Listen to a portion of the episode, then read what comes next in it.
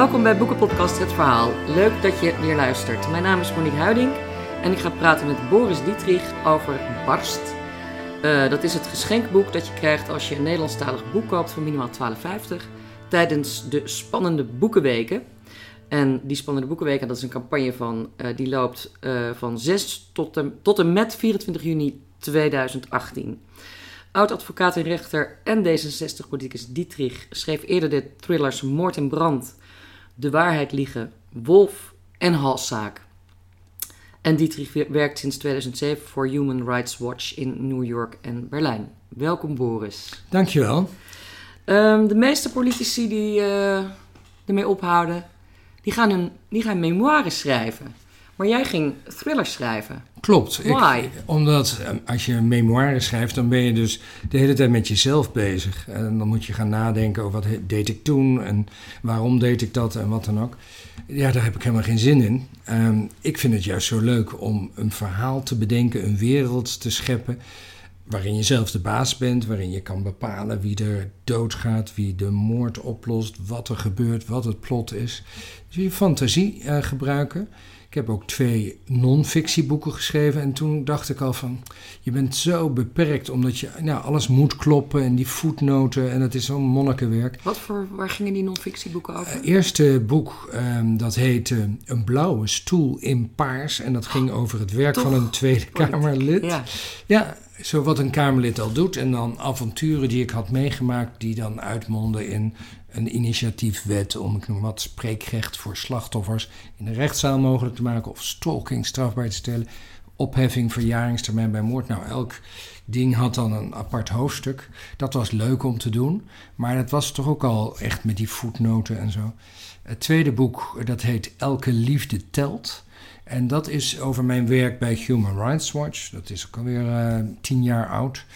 Um, nou ja, en daar kreeg ik wel de smaak van het schrijven te pakken. En toen dacht ik, ja, het volgende boek moet echt fictie zijn. Ik wil mijn fantasie gebruiken, ik wil iets creëren en, en dat opschrijven. Ja, en dan ga ik ervan uit, je bent uh, strafadvocaat geweest en, rechter, dat je je daar kon baseren op een, een meer aan dood, moord, allerlei vreselijke zaken. Of is dat niet zo? Nee, klopt. Ik heb als advocaat natuurlijk al heel veel strafzaken gedaan, ook andere soorten zaken. Maar als rechter was ik lid van de meervoudige strafkamer. Zit je dus met drie rechters en dat zijn dan echt uh, moord en doodslag en gewelddadige verkrachtingen, noem maar op. Is dat al het gerechtshof? Nee, dat is de rechtbank, de meervoudige okay. kamer. Daarvan kan je in beroep bij het gerechtshof. Ja, okay. En dan uh, was ik ook nog uh, politierechter. Dus dan zit je alleen, een meer alleenzittend rechter. En dat zijn dan wat minder heftige zaken, maar toch nog wel mishandeling, uh, diefstal, dat soort dingen. En dan kon je tot een bepaalde mate een straf opleggen. Dus ik heb heel veel meegemaakt, ook als rechtercommissaris. En nou ja, daar kan ik inderdaad wat je zegt uitputten uit die ervaring. Ja. En dat doe ik graag. Ja. Waarom ben je dat strafrecht ingegaan eigenlijk? Had je al een soort behoefte aan dit soort spannende zaken?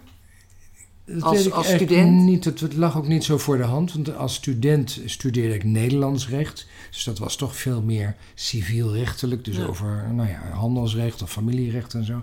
Maar ehm, ja, ik vond het toch wel heel interessant als advocaat in de rechtszaal je cliënt te verdedigen, op het politiebureau te komen, onderzoek te doen. eh, nou ja, te pleiten tegen de officier van justitie en te kijken eh, waar de mazen van de wet zaten. En nou ja, ja, toen heb ik echt een soort liefde ontwikkeld voor het strafrecht. En als rechter eh, zit je aan de knoppen, kan je echt de beslissing nemen. Dus dat was ook heel leuk. En in de politiek zag ik het weer van een andere kant. Dacht ik van, goh, ik kan me bijvoorbeeld één zaak herinneren. Het heeft diepe indruk op me gemaakt. Een vrouw die was vermoord door haar vriend, die eh, psychotisch was. En uh, nou ja, hij uh, moest uh, zich verdedigen in de rechtszaal. Ik was een van de drie rechters. En dan kijk je dus ook naar de verdachte die dan achter zo'n hekje staat in zijn ogen. En achter hem op de eerste rij zaten haar ouders. Dus de ouders van het slachtoffer. En zowel de vader als de moeder deden, staken zo de hele tijd hun hand omhoog van ik wil wat zeggen. En op een gegeven moment zei de voorzitter van de strafkamer: nee, nee, nee, nee. U mag het woord niet voeren, want uh, dat heeft de wetgever niet geregeld. Ik vond het zo pijnlijk dat toen ik Tweede Kamerlid werd, dacht ik, nou, een van de eerste dingen die ik wil gaan doen is dat spreekrecht voor slachtoffers en hun nabestaanden in de rechtszaal mogelijk te maken. Dus zo heb ik ook vanuit die kant weer heel veel met het strafrecht en met slachtofferverenigingen te maken gehad. Ja. Jij bent ook uh, een van de mensen aan wie we, politici, aan wie we de, uh, het homohuwelijk te danken hebben. Klopt. Uh, niet alleen aan mij overigens. Nee, maar je hebt dat, wel daar veel voor gedaan. Ik heb daar veel voor gedaan. Samen met twee collega's hebben we dat echt... Ja, toen we met dat idee kwamen, zei iedereen belachelijk. Dat kan nergens in de wereld en juridisch kan het niet. Nou, allemaal toestanden. En uiteindelijk is dat in 2001 ingevoerd na allerlei uh, verwikkelingen. En nu zijn er al 25 landen in de wereld waar 1 miljard mensen in wonen, van de 7 miljard in totaal, waar het huwelijk is opengesteld. Ja, dus dat, is een revolutie. Fantastisch. Ja. ja, daar ben ik wel trots op. Ja, en dat is natuurlijk nu uh, het werk dat je nu doet. Jij uh, bent, hoe heet het ook alweer? Directeur van de LHG. Ik ben Global Advocacy Director van het LHBT, LGBT in het Engels. Dus lesbians, gay, bisexual, transgender people. En hun rechten, dus laten we zeggen seksuele minderheden, die vreselijk gediscrimineerd worden. Meer dan 73 landen in de wereld is het nog strafbaar om homo te zijn. En in sommige van die landen word je ook gewoon opgesloten in de gevangenis. Dus dat is uh, allemaal heel pijnlijk. En ja. het is echt een rechtsgebied wat uh, nu de laatste jaren echt in ontwikkeling is, maar waar veel werk te doen is. Ja, in Barst, ik vraag dit allemaal omdat we moeten natuurlijk een brug hebben om naar Barst terug te keren. Dat is de titel van het boek, van het, het is een novelle eigenlijk, hè? Een, een thriller novelle. 92 bladzijden ja. ongeveer. Uh, daar komen deze thema's ook, uh, deze onderwerp, onderwerpen ook uh, in terug, ter sprake. Je hebt een heel divers personagebestand. Hè, de, de, de inspecteur of de, degene die het onderzoek leidt naar de moord is een moord. Of tenminste een jongen vermoord in het Pondelpark. Hersens ingeslagen, schedel. En er komt een inspecteur, die heet Maya Olifant, als ik me ja. goed herinner. En zij is lesbisch. Klopt. En haar collega is een, is een Turkse Nederlander. Bulut Kaya. Die kwamen al eerder in, uh, die kwamen, voor, die, in die, Halszaak. In Halszaak kwamen die voor. En die zaten dus nog heel erg in mijn hoofd toen ik Barst ging schrijven. Ja. ja, en nou is het wel zo dat het feit dat Maya lesbisch is... of hij een Turks, Bulut een Turks Nederlander is eigenlijk helemaal niet zo belangrijk in het verhaal. Want het verhaal is gewoon een, een, een spannend verhaal. Maar ik vind het altijd zelf belangrijk om in mijn boeken uh, iemand van de LHBT-gemeenschap een hoofdrol te geven. die gewoon goed uh, in elkaar zit en dus niet uh, zelfmoord gaat plegen of aan de drugs raakt of allemaal andere trieste zijn dingen. zijn net normale mensen. Precies, dat moet de boodschap zijn. Ja, ja, ja. Maar goed, want je legt het wel, je laat het ook niet in het midden. Je, nee, je zegt, nee, zegt het, het moet ook wel bij. expliciet gemaakt ja. worden. Ja. Want ik had namelijk vroeger, ik hield heel erg van lezen als tiener had ik echt een honger naar boeken waar een, een, een homo of een lesbienne in voorkwam die goed in elkaar zat. En ik kon ze niet vinden, die boeken. Het was echt altijd kommer en kwel. Uh, dus ik heb zoiets van, nou ja, als ik een boek schrijf, dan uh, komen ze er goed vanaf. Is daar ook een beetje activisme ja. bij, de, de activistische schrijver? Jazeker, en dat werkt ook wel, want ik word niet heel veel, maar af en toe ook aangesproken door mensen die mijn boeken hebben gelezen. Jonge mensen die zelf homo of lesbisch zijn of transgender. En die dat heel prettig vinden en mij daarvoor bedanken. Dus dat vind ik, ja, dat geeft mij dan toch wel weer de spirit om door te gaan ja, op dat vlak. En nu, nu blijkt dat spannende boeken, dus thrillers, laten we maar gewoon thrillers noemen, of crime boeken. Mm -hmm. dat, dat is een genre dat het best, uh, of het meest, moeten we zeggen, gelezen wordt. En um, deze campagne die sluit daar ook bij aan, want het is dan bijna vakantie en wat nemen mensen voor boeken mee met de vakantie? Thrillers, weet je wel. Heb je daarom ook gedacht van dat is een populair genre, dus hè, daar kan je ook je, hè, je boodschap, uh, daar bereik je gewoon meer mensen mee. Was het ook een, of was het ook een commerciële overweging? Oh nee, totaal niet. Nee, ik bedoel, van boeken schrijven kan ik niet leven. Nee, niemand hoor. Bijna. oh, niemand nee. Nee. nee, dus dat is helemaal, heeft helemaal geen rol. Nee, maar je wil nee. dat al veel mensen het lezen. Ja, maar het is niet de reden van daarom ga ik thrillers schrijven. Nee, ik voel me als een vis in het water in het strafrecht. Dat ja. ken ik natuurlijk goed dat van past al die, goed bij je. Van ik, dat past bij me, dat ja. zit erin. En ik vind het zelf ook heel leuk om thrillers te lezen die een goed plot hebben en die ja, in een soort maatschappelijke duiding geven. Dat vind ik zelf leuk om te lezen, dus daarom probeer ik ze ook te schrijven. Ja, in, het, in het literaire wereldje worden thrillers een beetje gezien als van de tweede garnituur. Wat vind je daarvan? Ja, ik vind dat onzin. Ehm, ik vind dat je een, boek op zijn kwaliteiten moet uh, beoordelen. En ik vind ook de grens tussen thrillers en romans erg dun. Om een voorbeeld te geven, mijn tweede boek was bij de, uh, de arbeiderspers nog. En dat heet De Waarheid Liegen. Ik dacht, ik heb een thriller geschreven. Maar de uitgever zei, nee, dit is geen thriller, dit is een roman. Nou, ja, vind ik ook best. Dus, dus stond er roman op. Uh, en verder gaat het er mij om dat mensen het boek lezen en dat ze ervan genieten. Ja. Dus dat is mijn doelstelling. Want het is een. Hè, je hebt nu ook bijvoorbeeld literaire thrillers. Ja, dat zijn natuurlijk allemaal market, dus allemaal marketingpraat van uitgeverijen. Want dat trouwens dan beter geschreven. Het, het, het, lijkt een beetje alsof als het, als het heel goed geschreven is, een boek, dan is het een roman. Dus het is een soort van uh, kwaliteitsnorm voor de schrijver in het, hè, of hij, mooi, hij of zij mooi kan schrijven. Ja, nou ja, misschien is het zo ontstaan, ik zie het anders. Het gaat er mij gewoon om dat als je een boek leest, ik als lezer wil gewoon een goed boek lezen, wat goed in elkaar zit, met karakterontwikkeling, wat een verhaal heeft wat ertoe doet. En dan maakt het mij echt niet uit of er bovenop staat roman of thriller of literaire thriller. Ja. Dus het zal inderdaad marketing uh, aspecten hebben die ik niet kan overzien. Oké, we, gaan het er niet meer over hebben. uh, ik heb in, interviews, in vele interviews inmiddels al gelezen dat jij de boeken schrijft in het vliegtuig. Ja, nou is Hoef het niet zo dat te ik. slapen? Uh, nee, nee, zeker niet.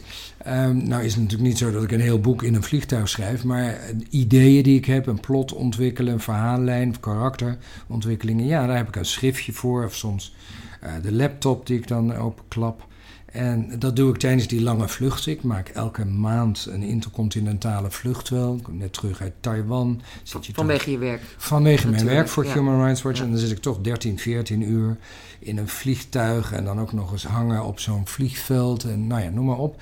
Dus ik uh, gebruik mijn tijd goed.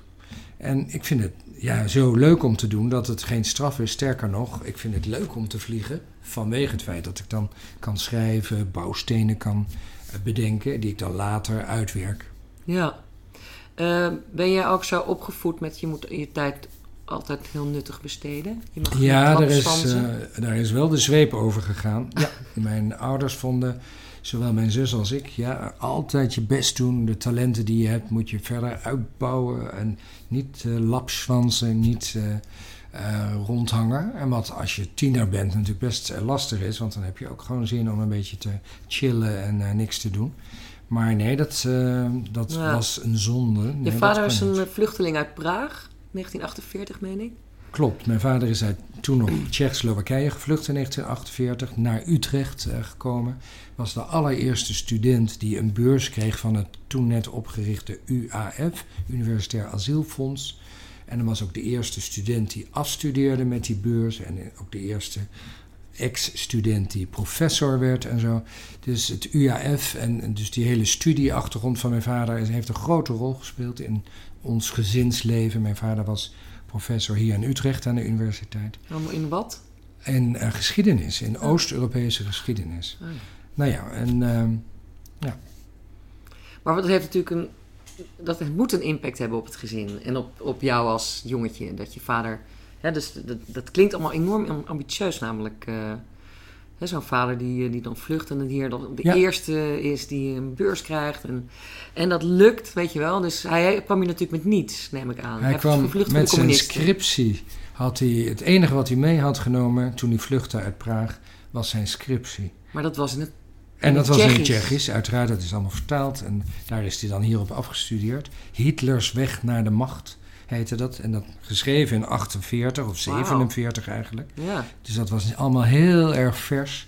Maar goed, mijn vader zei: Dit is mijn nieuwe land. Hier uh, worden later mijn kinderen geboren. En die moeten zich hier wortelen en nestelen. Ja. En die moeten niet tussen twee uh, landen in uh, zitten. Dus mijn vader weigerde met ons Tsjechisch te praten. Terwijl mijn moeder, die Nederlands is, juist wilde dat wij tweetalig werden opgevoed. Nou, dus wij werden echt in het Nederlands opgevoed. En toen uh, ik 12 jaar was, was de eerste keer dat mijn oma mocht komen. Nadat ze uh, drie jaar op een wachtlijst had gestaan, mocht ze een week naar Nederland komen om ons te zien. En we moesten nog allerlei dingen in bewaring geven, want als ze niet terug zou keren, dan konden de communisten in Tsjechië dat dan verkopen. Maar goed, wij konden niet met haar praten, want zij sprak geen Nederlands. En nou ja. En toen dacht mijn vader, dat is toch wel onhandig. Dus toen wij waren, ik was 12, mijn zus 14, toen dacht hij van nou, laat ze toch maar Tsjechisch leren. Dus werd ik op les gestuurd en ging die Tsjechisch met ons praten opeens. Nou, dat vonden wij natuurlijk helemaal niks. En ik wilde buiten voetballen. Dus dat is niks geworden. Dus ik spreek totaal geen Tsjechisch, terwijl ik een hele Tsjechische naam heb. En als ik voor mijn werk voor Human Rights Watch nu in Praag kom, begint iedereen meteen in het Tsjechisch. En dan moet ik ze altijd onderbreken en zo pijnlijk. En dan moet ik zeggen, sorry, maar ik spreek geen Tsjechisch. Zeg, ja, maar uw naam. Ja. ja, Kun je het wel in het Tsjechisch zeggen, van ik spreek geen nee, Tsjechisch? Nee, ik kan dat echt helemaal niks. dat is meestal nog het enige wat iemand nog kan zeggen in een taal. Dat, ja, dat nou, en dan geloof, precies, en dan geloven ze het niet. En dan beginnen ze, maar ik ja. spreek het vloeiend, zeggen ze dan. Ja, dus dat is een heel leuk misverstand. Um, ik vraag dit ook omdat een, een andere lijn in het, in het boek barst, in, in, de, hè, in de novelle waar we het nu over hebben. Die gaat over, ook over ambitie eigenlijk. Je hebt twee verhaallijnen. Een, een gedode jongen in, een, in het Vondelpark, waar de, waar de politie achteraan gaat. Die gaat het uitzoeken, de rechercheurs. En een andere lijn is de televisieshow. Hoe heet het ook alweer? Nederlands, Nederlands nummer, nummer 1. En dat is natuurlijk gewoon Idols of The Voice of zoiets. Zo'n soort zangprogramma in ieder geval. Waarin je het personage Lilian Lely hebt opgevoerd. Een meisje van 18 jaar. Um, die met een gitaartje heel mooi kan zingen. En die heel steeds verder komt in die competitie. Um, wat je er ook in hebt verwerkt is uh, uh, dat zij werd gepest op school. Omdat ze rood haar heeft en sproeten. Ik vind dat echt onweerstaanbaar aantrekkelijk als iemand rood haar heeft en sproeten. Maar zij werd er blijkbaar om gepest. En uh, dat, dat speelt ook een beetje, dat, hè, dat, bepaalt een beetje ook haar karaktertje. En in dit boek in ieder geval. Dus ik vroeg me af, ben je zelf gepest op school? Nee, maar ik heb het wel meegemaakt. Ik heb hier in Utrecht op school gezeten. Een grote klas, toch iets van 30 leerlingen, denk ik. Ja, daar werd gepest. Um, en ja, als ik daar nu op terugkijk, denk ik van... jee, maar dan had ik wel eens uh, op de bres moeten springen voor degene die gepest werd. Maar dat deed ik niet. Want je was al lang blij dat je zelf niet uh, gepest werd. Ja. Maar dat heb ik zelf meegemaakt. En eigenlijk nu ik voor Human Rights Watch werk... kom ik daar heel veel mee in aanraking met kinderen die gepest worden. Maar dan met name vanwege hun seksuele oriëntatie. En dat kan echt tot zelfmoord leiden. Dat is echt vreselijk als je hm geïsoleerd wordt. En, nou ja, dus ik vond het belangrijk om dat in het boek te verwerken, ook een beetje om haar karakter te duiden. En dan heeft ze een moeder die heel ambitieus is en wil dat ze maar doorgaat en mooi blijft zingen, want uiteindelijk aan het eind van de rit, als je ja, dat programma wint, dan krijg je geld, een platencontract, een auto, je wordt, bent bekende Nederlander. Ja, en die moeder is, de, is eigenlijk de motor. Ja, die moeder die wil dat heel graag. Want die zit ook een beetje aan de grond en die denkt, nou, dat kunnen we mooi gebruiken. Eigenlijk liever dan het meisje zelf. Ja, precies. Dat meisje doet het voor de moeder. Ja. Ja. Um, er zit natuurlijk ook uh, kritiek op uh, het machtsmisbruik van die grote televisieproducenten. Ja. Die mensen die het aandoen. Want uh, die kandidaten krijgen een burgercontract. Dat gebeurt in het echt ook, trouwens. in dit geval van RTL, die heb je gewoon RTL genoemd. En de kandidaten worden gewoon enorm, enorm gedrild. Ze, worden, ze moeten daar overal opdraven. Ze moeten constant lachen en leuk op de foto en noem maar op. Heb je zelf, heb je daar altijd heel enorm aan geërgerd? Of ben je zelf een keer zo weet je wel, gestuurd door een of andere, dat je mogelijk met een show meedeed of zo? Uh. Nou, ik uh, heb in New York gewoond en raakte verslaafd aan American Idol. Dus dat, dat werd daar ook altijd heel groots gebracht. Dus dat volgde ik elk jaar eigenlijk wel. En ja, daar werden interviews gehouden met kandidaten die dan plotseling verdwenen. Opeens waren ze er niet meer en je kreeg niet te horen waarom niet. Heel raar. En dan later las je, oh, die bleek een misdrijf te hebben gepleegd of iets uh, gelogen te hebben. En je moet dan van die wurgcontracten tekenen dat je van onberispelijk gedrag bent. En, want je kan natuurlijk niet een American Idol worden terwijl er een vlekje aan je is. Nou ja, dat vond ik altijd, dat vond ik eigenlijk het fascinerende ervan. Hoe mensen helemaal in een mal gedrild werden. En bepaalde kleren aan moesten doen, bepaalde liedjes moeten zingen. Helemaal omgevormd werden, ook qua uiterlijk, qua kapsel, make-up, noem maar op, tot ja, wat men dacht dat de televisiekijker wilde zien. Dat is in Nederland ook zo. Misschien wat minder erg dan in Amerika. Maar dat vond ik zo fascinerend. Dat ja, iemand die graag beroemd wil worden, aan zo'n talentenjacht meedoet, dat hij allerlei dingen gaat doen en gaat zeggen die niet bij, eh, in dit geval bij Lilian uh, Lely passen. Maar ja, als je door wil gaan, dan moet je wel. En uh, nou ja, als je niet sterk in je schoenen staat, dan ga je dingen doen die totaal uh, ja, buiten jouw denkkader pasten. Maar ja, je wil door, je wil winnen en dan Ja. ga je rare dingen doen. Ik dacht dat is ook een vorm van pesten. Nou, je bedoelt van, van de televisieproducenten richting... Ja, die juryleden zijn vaak zo vals. nou, het is meer een kwestie van geld verdienen. Want eh, mensen worden niet als mens gezien, maar als een product. Mm. Waardoor je reclameinkomsten kan genereren, waardoor eh, kijkcijfers eh, omhoog komen. Dus je wordt gewoon gebruikt. En eh, mensen zijn eigenlijk helemaal niet geïnteresseerd in jouw wel en wee. Nee, je hebt een contract getekend, ook al ga je nu dingen doen die je niet wil. Je moet ze doen, want dat staat in je contract. Ja. Is dat, komt het ook een beetje voort dat diezelfde behoefte van jou om eh, hè, de, de, de, de mensen met een, een seksuele voorkeur die minderheden zijn, eh, te verdedigen? Want dit is in feite, hè, die worden ook het liefst niet gezien als mens, maar als een, een, een ding of als een dier. Hè, Ja. In kwaadwillende eh, omgeving. Ik heb me altijd wel ingezet voor mensen in een zwakke positie, Ja. of een zwakkere positie. Ik heb ook heel veel voor vrouwen en vrouwenrechten gedaan in de Tweede Kamer. Omdat ik dat belangrijk vind. Eh, misschien dat ik als homo me beter kan voorstellen hoe het is voor iemand uit een andere groep die eh, zwakker is. Eh, hoe het is om eh, ja, toch weerstanden te moeten overwinnen. En, nou ja. Dus dat, ik heb me daar altijd wel ja, mee bezig gehouden Ja. nog steeds. Ben je eigenlijk een soort wereldverbeteraar? Ja, vind ik wel. Altijd geweest, dus altijd vrijwilligerswerk gedaan. En niet alleen omdat mijn ouders dat nou zo belangrijk vonden dat ik mijn tijd altijd goed besteedde, maar ook omdat ik dacht van ja. Zo, toen ik studeerde was ik eh, bijvoorbeeld eh, vrijwilliger bij de telefonische hulpdienst. SOS Telefonische Hulpdienst heette dat. Waar mensen naartoe konden bellen die problemen hadden, psychische problemen. Specialiseerde me daar in zelfmoordgesprekken. Ja, en dat heb ik jaren gedaan omdat ik dat interessant en belangrijk vond. Ja. Nou ja, ik weet niet of je daardoor een wereldverbeteraar bent, maar in ieder geval vond het toch belangrijk om te helpen de samenleving een beetje Ja. eh, beter te maken. Nee, ik denk dat je wel een wereldverbeteraar Mm. dan bent. Ja, tuurlijk. Je bent ook vals. Want in, eh, op pagina 11 van eh, Barst staat de volgende, staan de volgende zinnen. Dat gaat over de jury van, eh, Mhm. van de show, van de, van de Nederlandse nummer 1 show. Dan, die, beschrijf je, die jury beschrijf je als volgt. De jury bestaat uit drie grote namen uit de RTL-stal...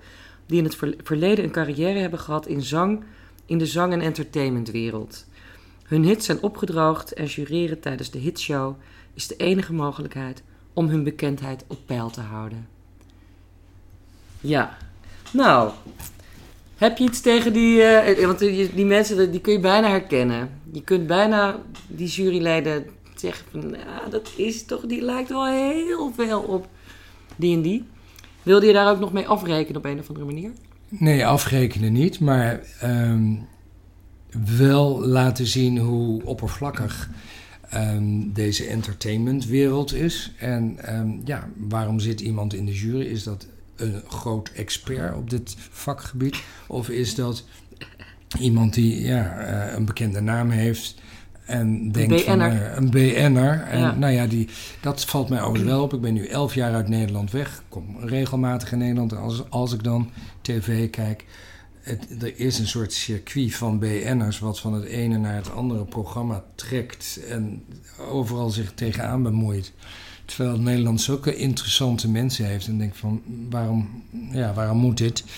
Dus het is, een, het is kritiek op de oppervlakkigheid van de tv-wereld... wat overigens niet alleen Nederland heeft, ook de Verenigde Staten...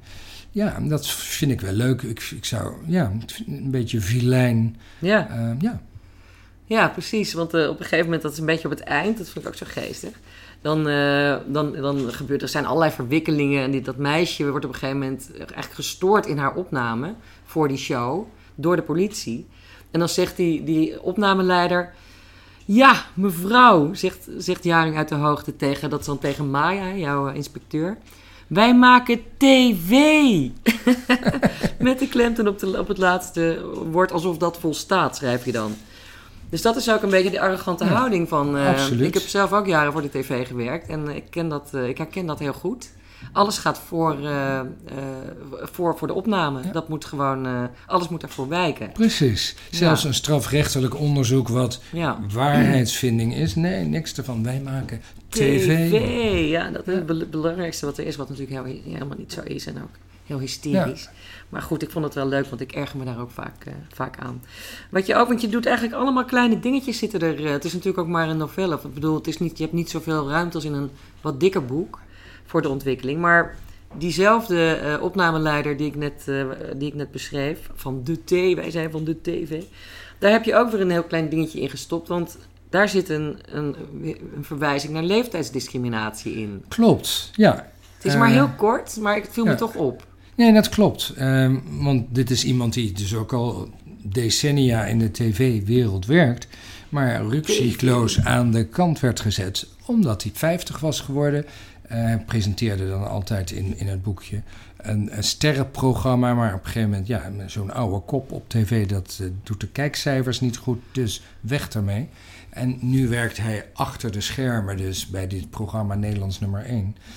En ja, of hij nou zo'n gram haalt of wat dan ook, dat heb ik niet verder uitgewerkt. Maar in ieder geval, hij ehm, heeft ervaring in de tv-wereld. Heeft eh, wat butsen opgelopen, wat, wat littekens. En hij moet dan eh, deze kandidaten, onder andere Lilian Lely, begeleiden. Ja. Maar is dat ook iets waar je, eh, wat je, waar je je zorgen over maakt, over dat fenomeen? Leeftijdsdiscriminatie. Leeftijdsdiscriminatie is een groot probleem. Ja. Ik ken heel veel mensen die graag dingen willen doen. Ehm, ik ben zelf begin 60 en ik weet van mensen uit mijn cohort die ontzettend graag nog willen werken. En eh, toevallig een, een kennis van mij vertelde dat laatst nog en had al gesolliciteerd en expres zijn leeftijd niet in de sollicitatiebrief vermeld. En hij komt binnen en ze zei: Ja, maar meneer, wij zoeken wel mensen ja, in wie wij kunnen investeren. En u bent al boven de 60. Ja. En nou ja, dat is formeel verboden, maar er, wordt gewoon gediscrimineerd Ja. op basis van leeftijd. Het is jammer. Ehm, ja, want mensen met, ja, ja, laten we zeggen, wat oudere mensen hebben natuurlijk ook heel veel ervaring. Daar kan je ook eh, goed uit putten. Dus dat, ik vond dat wel leuk om dat erin te verwerken. Ja. Nee, dat is zeker een heel groot probleem.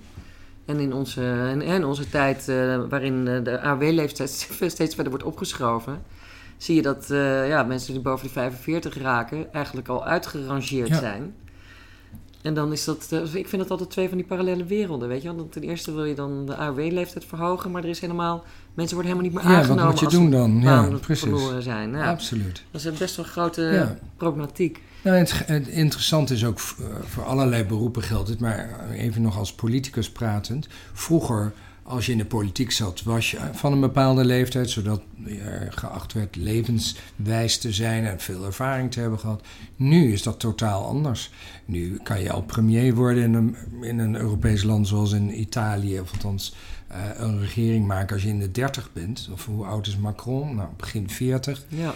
Ehm, vroeger was je f- 70 of zo. Dus het is allemaal een beetje aan het verschuiven naar jonge mensen, waar natuurlijk ook eh, voordelen aan zitten. Maar ja, ik vind dat eh, we daar in Nederland wat breder over moeten gaan praten. Over van hoe kijken wij tegen oudere mensen aan. Ja, dus een afwaardering eh, Ja. heeft plaatsgevonden in de, in de loop der decennia. Ja. Bars gaat dus ook over, over ambitie en de keerzijde daarvan. En goed dat je net over, over levenswijsheid heeft, hebt, eh, had. Ehm, is dat ook die keerzijde van ambitie iets dat jij eh, zelf eh, hebt ondervonden of geleerd? Of hey, je, kunt ook door ambitie, dat gebeurt in Bars namelijk, helemaal ontsporen. Ja, eh, nou dat heb ik niet zelf meegemaakt, maar ik weet dat dat zo kan gebeuren. En nadat ik het boekje had geschreven, kwam die hele discussie op rond Barbie, Ja, die een realiteitsprogramma had, ik geloof ook via RTL. En uh, SBS, nou ja, uiteindelijk uh, raakte ze ook helemaal van de kaart. En ging ze interviews geven. En zei ze, ja, dan moest ik die cameraploeg wel uh, binnenlaten. En dan ging ik maar ruzie maken met mijn vriend. Want ja, wat moet je anders? En nou ja, want het moest op tv en het moest interessant zijn voor de kijkers. Dus ze had het gevoel dat ze allemaal dingen moest gaan doen. Ja. Uh, waar ze eigenlijk helemaal niet achter stond. En dan op een gegeven moment loop je jezelf voorbij en raak je psychisch helemaal in de problemen. Ja. Wat bij haar gebeurd is. En werd ze opgenomen in een kliniek en dan ging ze daar weer de tv-ploeg laten komen. En nou ja, rare dingen gebeurden. Ja. Dat uh, is dus allemaal gebeurd nadat ik het geschreven had, maar dat toont wel aan dat je, als je niet sterk in je schoenen staat en je hebt dus een zucht naar beroemd worden, bekende Nederlander, wat dan ook, dat er van alles met je gedaan kan worden. Ja. Maar je hebt niet uh, bijvoorbeeld, ja, dat is echt heel ver gezocht wat ik nu ga zeggen. Maar je bent zelf uit de politiek gestapt vanwege de kwestie Oeruzkan, volgens mij, als ik me goed herinner.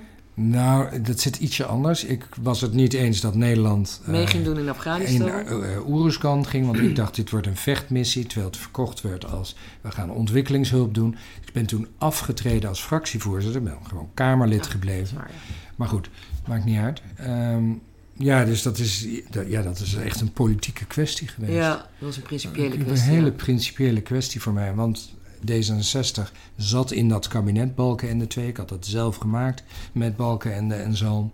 En ik dacht, ja, nou gaan ze toch uh, met steun van de oppositie naar Oeruzkan. Nou, ik ben het daar niet mee eens.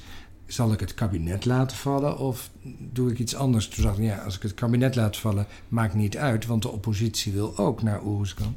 Dus dan vind ik, ja, dan moet ik wel consequenties trekken. Maar dat doe ik dan voor mezelf. Dus daarom ben ik afgetreden. Maar dat was een puur principieel politieke afweging. Heb je, heb je dat niet ervaren als falen? De buitenwereld zeker. Want er waren Nee, vreselijke krantenartikelen. Nee, want ik was het zo met mezelf eens.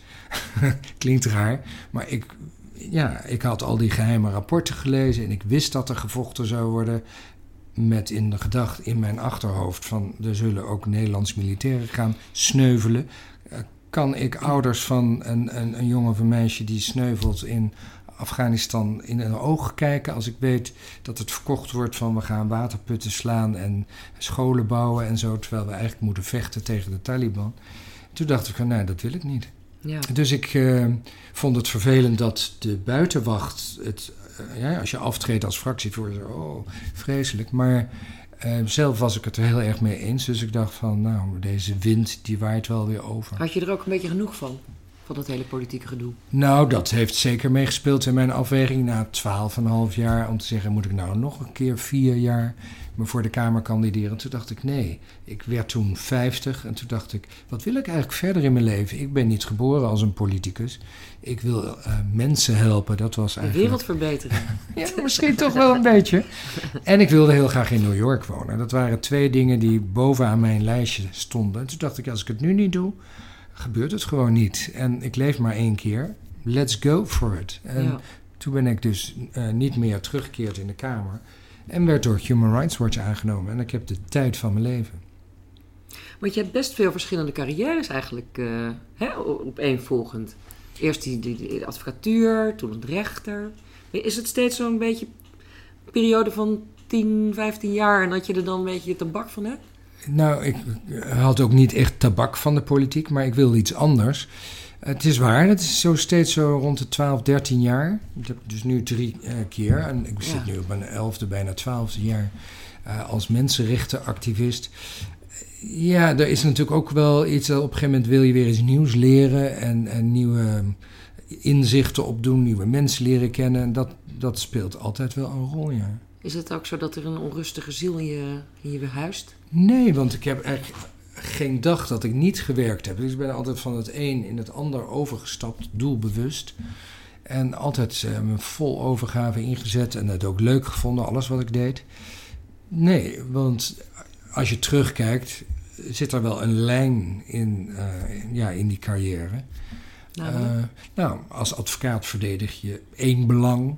Nou, op een gegeven moment denk je van nee, ik wil eigenlijk niet één iemand verdedigen, maar uh, een keuze kunnen maken, zelf een beslissing nemen, niet afhankelijk zijn. Dus dan word je rechter. En toen ik rechter was, ontdekte ik natuurlijk ook dat je als rechter zit je aan het eind van de keten als alle problemen er zijn ontstaan. Ja, dan mag jij zeggen, is goed of fout. Maar als je in de politiek zit, kan je aan het begin van zo'n ontwikkeling staan. Kan je misschien ook problemen helpen voorkomen. Dus dat was eigenlijk ook wel weer een logische overgang. Nou ja, na 12,5 jaar dacht ik, ja, ik heb mijn hele leven in Nederland gewoond en gewerkt. Ik wil in het buitenland, ik wil de wereld zien. En ja, dat doe ik via Human Rights Watch. En ja, dus dat. Uh, je zit... hebt nog een bredere. Ja. Het spectrum werd steeds breder. Ja, en het grappige is dat ik daardoor Nederland meer ben gaan waarderen. Als je zoveel in het buitenland bent, denk ik, goh, het is hier toch ondanks alle kritiek die je kan hebben, we hebben het goed voor elkaar. Uh, ja, en er moet wel het een en ander gebeuren, maar mooi dat Nederland er zo bij ligt. Ja, want uh, hè, kun jij nu, na al die tijd dat je dus, je, hebt, uh, je woont nu in Berlijn geloof ik Ik woon nu in je Berlijn. Je woonde een aantal jaar in New York. Ja, zes jaar New York, vijf jaar Berlijn. Ja. Heb je nu ook, de, merk je aan jezelf dat je Nederland ook een beetje als een buitenstaander kunt, kunt ja, zien? absoluut. Ik vind ook dat Nederland echt aan het veranderen is. Nou ben ik via mijn werk, want ik vlieg meestal via Schiphol ergens naartoe. Dus dan knoop ik er een, een weekend aan vast. En toen mijn ouders nog leefden, kwam ik natuurlijk ook daarom nog veel in Nederland. Ja, je ziet, ondanks dat je er vaak bent, zie je toch dat er dingen veranderen. Um, Noem maar wat, eens een paar. Nou, wat ik, het eerste wat me zo te binnen schiet, en ik heb dan nog een huis in Amsterdam. Hoe ontzettend druk het is hoe uh, ja, die binnenstad, die mooie oude binnenstad, ja, hoe die helemaal wordt ja, door, door toeristen als het ware wordt bezet. Maar dat zou je toch in New York ook, uh, Berlijn is toch ook Nee, dat is zo anders. Berlijn heeft 3,5, bijna 4 miljoen inwoners, maar is zo uitgestrekt dat uh, waar mijn kantoor is, dat is echt in het hartje van Berlijn. Ja, daar zijn natuurlijk veel toeristen, maar totaal niet zo en masse zoals in Amsterdam. Kan dat dan? Is dat, is dat omdat het wat nauwere steegjes Tuurlijk. Amsterdam is natuurlijk een, een middeleeuwse ja. binnenstad. En dat geldt voor Berlijn en New York En Berlijn niet. helemaal niet. Nee. En New York natuurlijk ook veel ruimtelijker. Daar werkte ik in het Empire State Building. Dus daar stonden altijd toeristen natuurlijk om het gebouw heen. Maar verder ja, was het, is het toch aanmerkelijk minder druk ja. dan uh, Nederland. Dus die klachten van Amsterdammers, die, die, die, die omarm jij uh, volledig? Die herken ik volledig, ja. ja. En wat is er nog meer veranderd uh, in die, in die decennium, zeg maar? Ja, nou, decennium, misschien was het al langer aan de gang, maar ik zie het nu zo. Nou ja, toch de bevolkingssamenstelling, de, um, laten we zeggen, de islam, de moslims, die veel meer zichtbaar zijn geworden dan ze waren. Um, nou ja, ik, ik, ben dus nu een week in Nederland en dan zie ik, en dan is er zo'n Pegida, vreselijke uh, mensen die dan varkensvlees willen roosteren voor de ingang van een uh, moskee. En dan ja. mag dat in sommige steden dat wel. is gewoon een ontzettend dom pest is dat. oh, zo, het, het nou, niet alleen onzin. dom pesten, ik vind het uh, gemeen. Het, is, het, het heeft zoiets haatdragends. En ja, daar komen dan andere mensen in, in het geweer natuurlijk, die daar dan weer een cordon van bloemen. Nou ja, er is zoveel aan de hand. En, maar uh, voel je ook, uh, hè, als je daar zo af en toe terugkomt, dat er grotere spanningen zijn ja, tussen. Dat, nou, dat, daarom wou ik dat voorbeeld Het islamitisch geloof, de mensen het die dat is geloof zo aanhangen. hard geworden. Mm. Uh, in vergelijking met, laten we maar zeggen. dat Pegida, dat zijn echt, dat zijn misschien tien mensen of ja, zo. Maar Die krijgen alleen heel veel aandacht. Maar de camera's staan er bovenop. En ja. Nou ja, de Zwarte Piet discussie is natuurlijk toch ook ja. uh, felle botsingen over en weer. En nou ja, dat, ik herinner, zo, laat ik zeggen, het, het Nederland waar ik in groot ben geworden, was toch niet zo heftig, althans in mijn herinnering, als wat ik nu zie. Je ziet meer polarisatie, ja. zeg maar. Ja. En nog iets anders? Of is dat het zo'n beetje? Nou, laat het hierbij laten. ja, nee, dus, uh, er is ook sprake van, denk ik, uh, het is ook een vorm van emancipatie, hè? Wat, uh, wat er nu in onze samenleving gebeurt. Ja, maar... met, met, met moslims die zich emanciperen, mensen van kleur, moeten we tegenwoordig zeggen, die ook... ja, maar daar heb ik ook meer... helemaal niks op tegen, dat mensen zich Ja. emanciperen. Maar waar ik wel een hekel aan heb, is dat mensen zo respectloos over de ander kunnen praten en ook zo doen.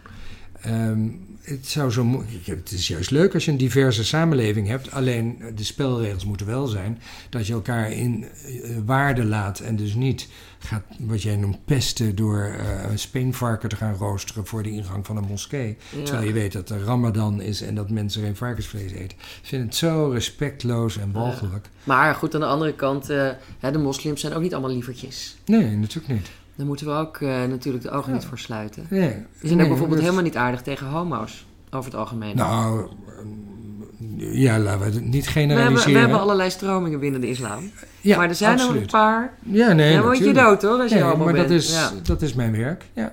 ja, Dus dat weet ik eh, als geen ander. Maar ik weet ook hoe moeilijk het is als je homo bent en uit de islamitische Ja. gemeenschap komt.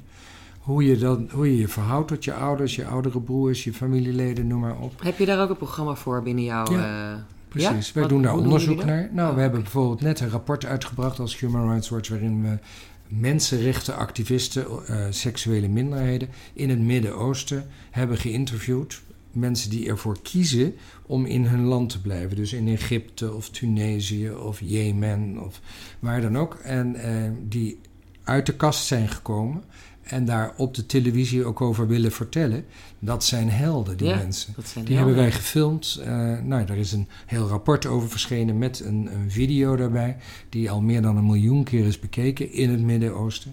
En zo proberen we hen te steunen eh, in hun strijd. En daar moet nog zoveel gebeuren. Ja, want ik wou net zeggen, kijk, wij zijn hier in het Westen eigenlijk al eh, heel ver, hè? Over het algemeen wel. we hebben dat homohuwelijk. Moet je, bedoel, wat, Ja, meer maar- kun je nog wensen? Ja, en nou heel veel meer. Oh, Ja, ja, wat nog ja. meer? Nou, bijvoorbeeld, en dan ga ik wel heel erg over mijn werk. Nee, dat is allemaal Dat geregeld. is ook al geregeld. Maar als je het hebt over transgender mensen en de Nederlandse wet loopt achter bij een heleboel andere landen.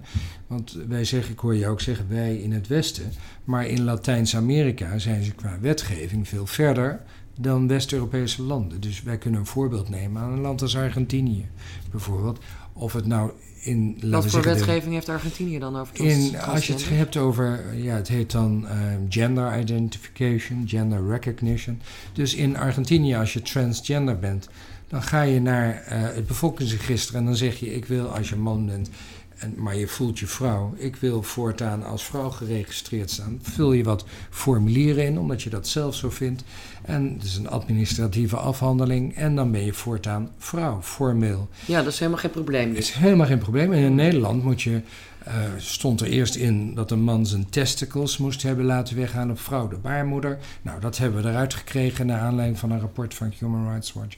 Maar die nieuwe wet zegt nog steeds dat je met een verklaring moet komen van een door de wet aangewezen eh, deskundige op dit vakgebied. En die moet verklaren dat iemand inderdaad eh, volgens het andere geslacht wil ja. leven. Operatie heeft ondergaan. Nee, je hoeft geen operatie meer te hebben ondergaan. Maar je, moet, je bent afhankelijk van min of meer eh, de verklaring van een derde. Terwijl eh, in, op dit terrein gaat het om je zelfidentificatie. Nou, daar kan Nederland nog veel van leren. Hoeveel, hoeveel mensen landen. gaat dit, denk je? Ehm, er wordt door eh, de Nederlandse overheid gezegd dat er ongeveer 150.000 transgender mensen in Nederland zijn. Misschien zijn er meer, maar ja, je ziet ook vaak dat mensen op latere leeftijd als transgender uit de kast komen. Die een heel leven als man of als vrouw geleefd hebben. Eigenlijk wel weten dat ze iets anders willen, maar ja, door de samenleving dat eh, werd niet getolereerd. En dus pas op latere leeftijd zeg je, ja, nou, nou hou ik ermee op. Ik Ja. wil echt zijn wie ik echt ben. Ja. Dus er zullen waarschijnlijk nog wel veel meer mensen zijn. Ja. ja, het is ook wel interessant eh, materie, vind ik ook. Ja, maar ik denk altijd wel, het gaat er over we- heel weinig mensen in verhouding. Ik denk Ja. dat het belangrijker, of ja, belangrijker, dat is, moet je misschien ook niet vergelijken. Maar die homo- homo-emancipatie binnen strenge geloofsgemeenschappen, daar, daar zou ik dan me meer mijn best voor doen, zeg maar. eh, Ja, nou ja, je moet het, eh, het een doen en het ander niet, Niet laten. laten, ja, dat is ook zo. Eh, we zijn alweer een beetje bij het einde. Ehm, mijn laatste vraag is ongelooflijk cliché. Waar gaat je volgende thriller over? Oh, dat ga ik jou helemaal niet vertellen. ja, Maar die- ben je wel al aan het schrijven? In mijn hoofd heb ik al een raamwerk klaar. Ehm, maar daar ga ik nog niet over praten. Nee, Nee. nee. dat moet nog eens rijpen. En ik moet nog wat vluchten maken en in mijn schriftje schrijven. En het laten bezinken. En dan Gaat komt Maya Olifant eh, nog door? Eh, nou, dat weet ik niet. Oh, weet ik niet. Niet. Oh, ben jij zo'n schrijver die nog niks over wil zeggen? Want als je er iets over zegt, dan ben je het kwijt? Of heb je dat niet? Nou, eh, eh, jij bent een van de eerste die vraag, echt vraagt van waar gaat dat volgende boek over? En ik, ik wil het nog even bij mezelf houden. Ja, Dus nog, e- laat het nog maar even. Ik ben aan het beroeden in die fase. Nou, we kijken er naar uit. Dankjewel voor dit gesprek. Graag gedaan. Ik sprak met Boris Dietrich over zijn spannende boekenweekgeschenk Barst. Abonneer je op deze podcast via Soundcloud, Stitcher of iTunes. Dan krijg je een berichtje als er een nieuwe aflevering is. En als je op iTunes een waardering achterlaat in de vorm van sterren of een review... dan schijnt deze podcast hoger in de vindlijsten te komen. Ik snap ook helemaal niet hoe Apple het allemaal doet, maar... Algoritme, Oh, algoritme, automatisch algoritme. algoritmes. Eh, maar dus als je, hè, als je een re- review schrijft, als je het een leuke podcast vindt, dan, dan help je mij weer om hoger in die vindlijsten te komen. Eh, en je kunt deze podcast, die ook in helemaal in eigen beheer gemaakt wordt, ook financieel steunen met een donatie. Dat kan via de website podcasthetverhaal.nl. En dan op de pagina Steun het Verhaal kun je via internetbankieren een bedrag naar keuze overmaken. Alvast hartelijk dank en tot de volgende keer.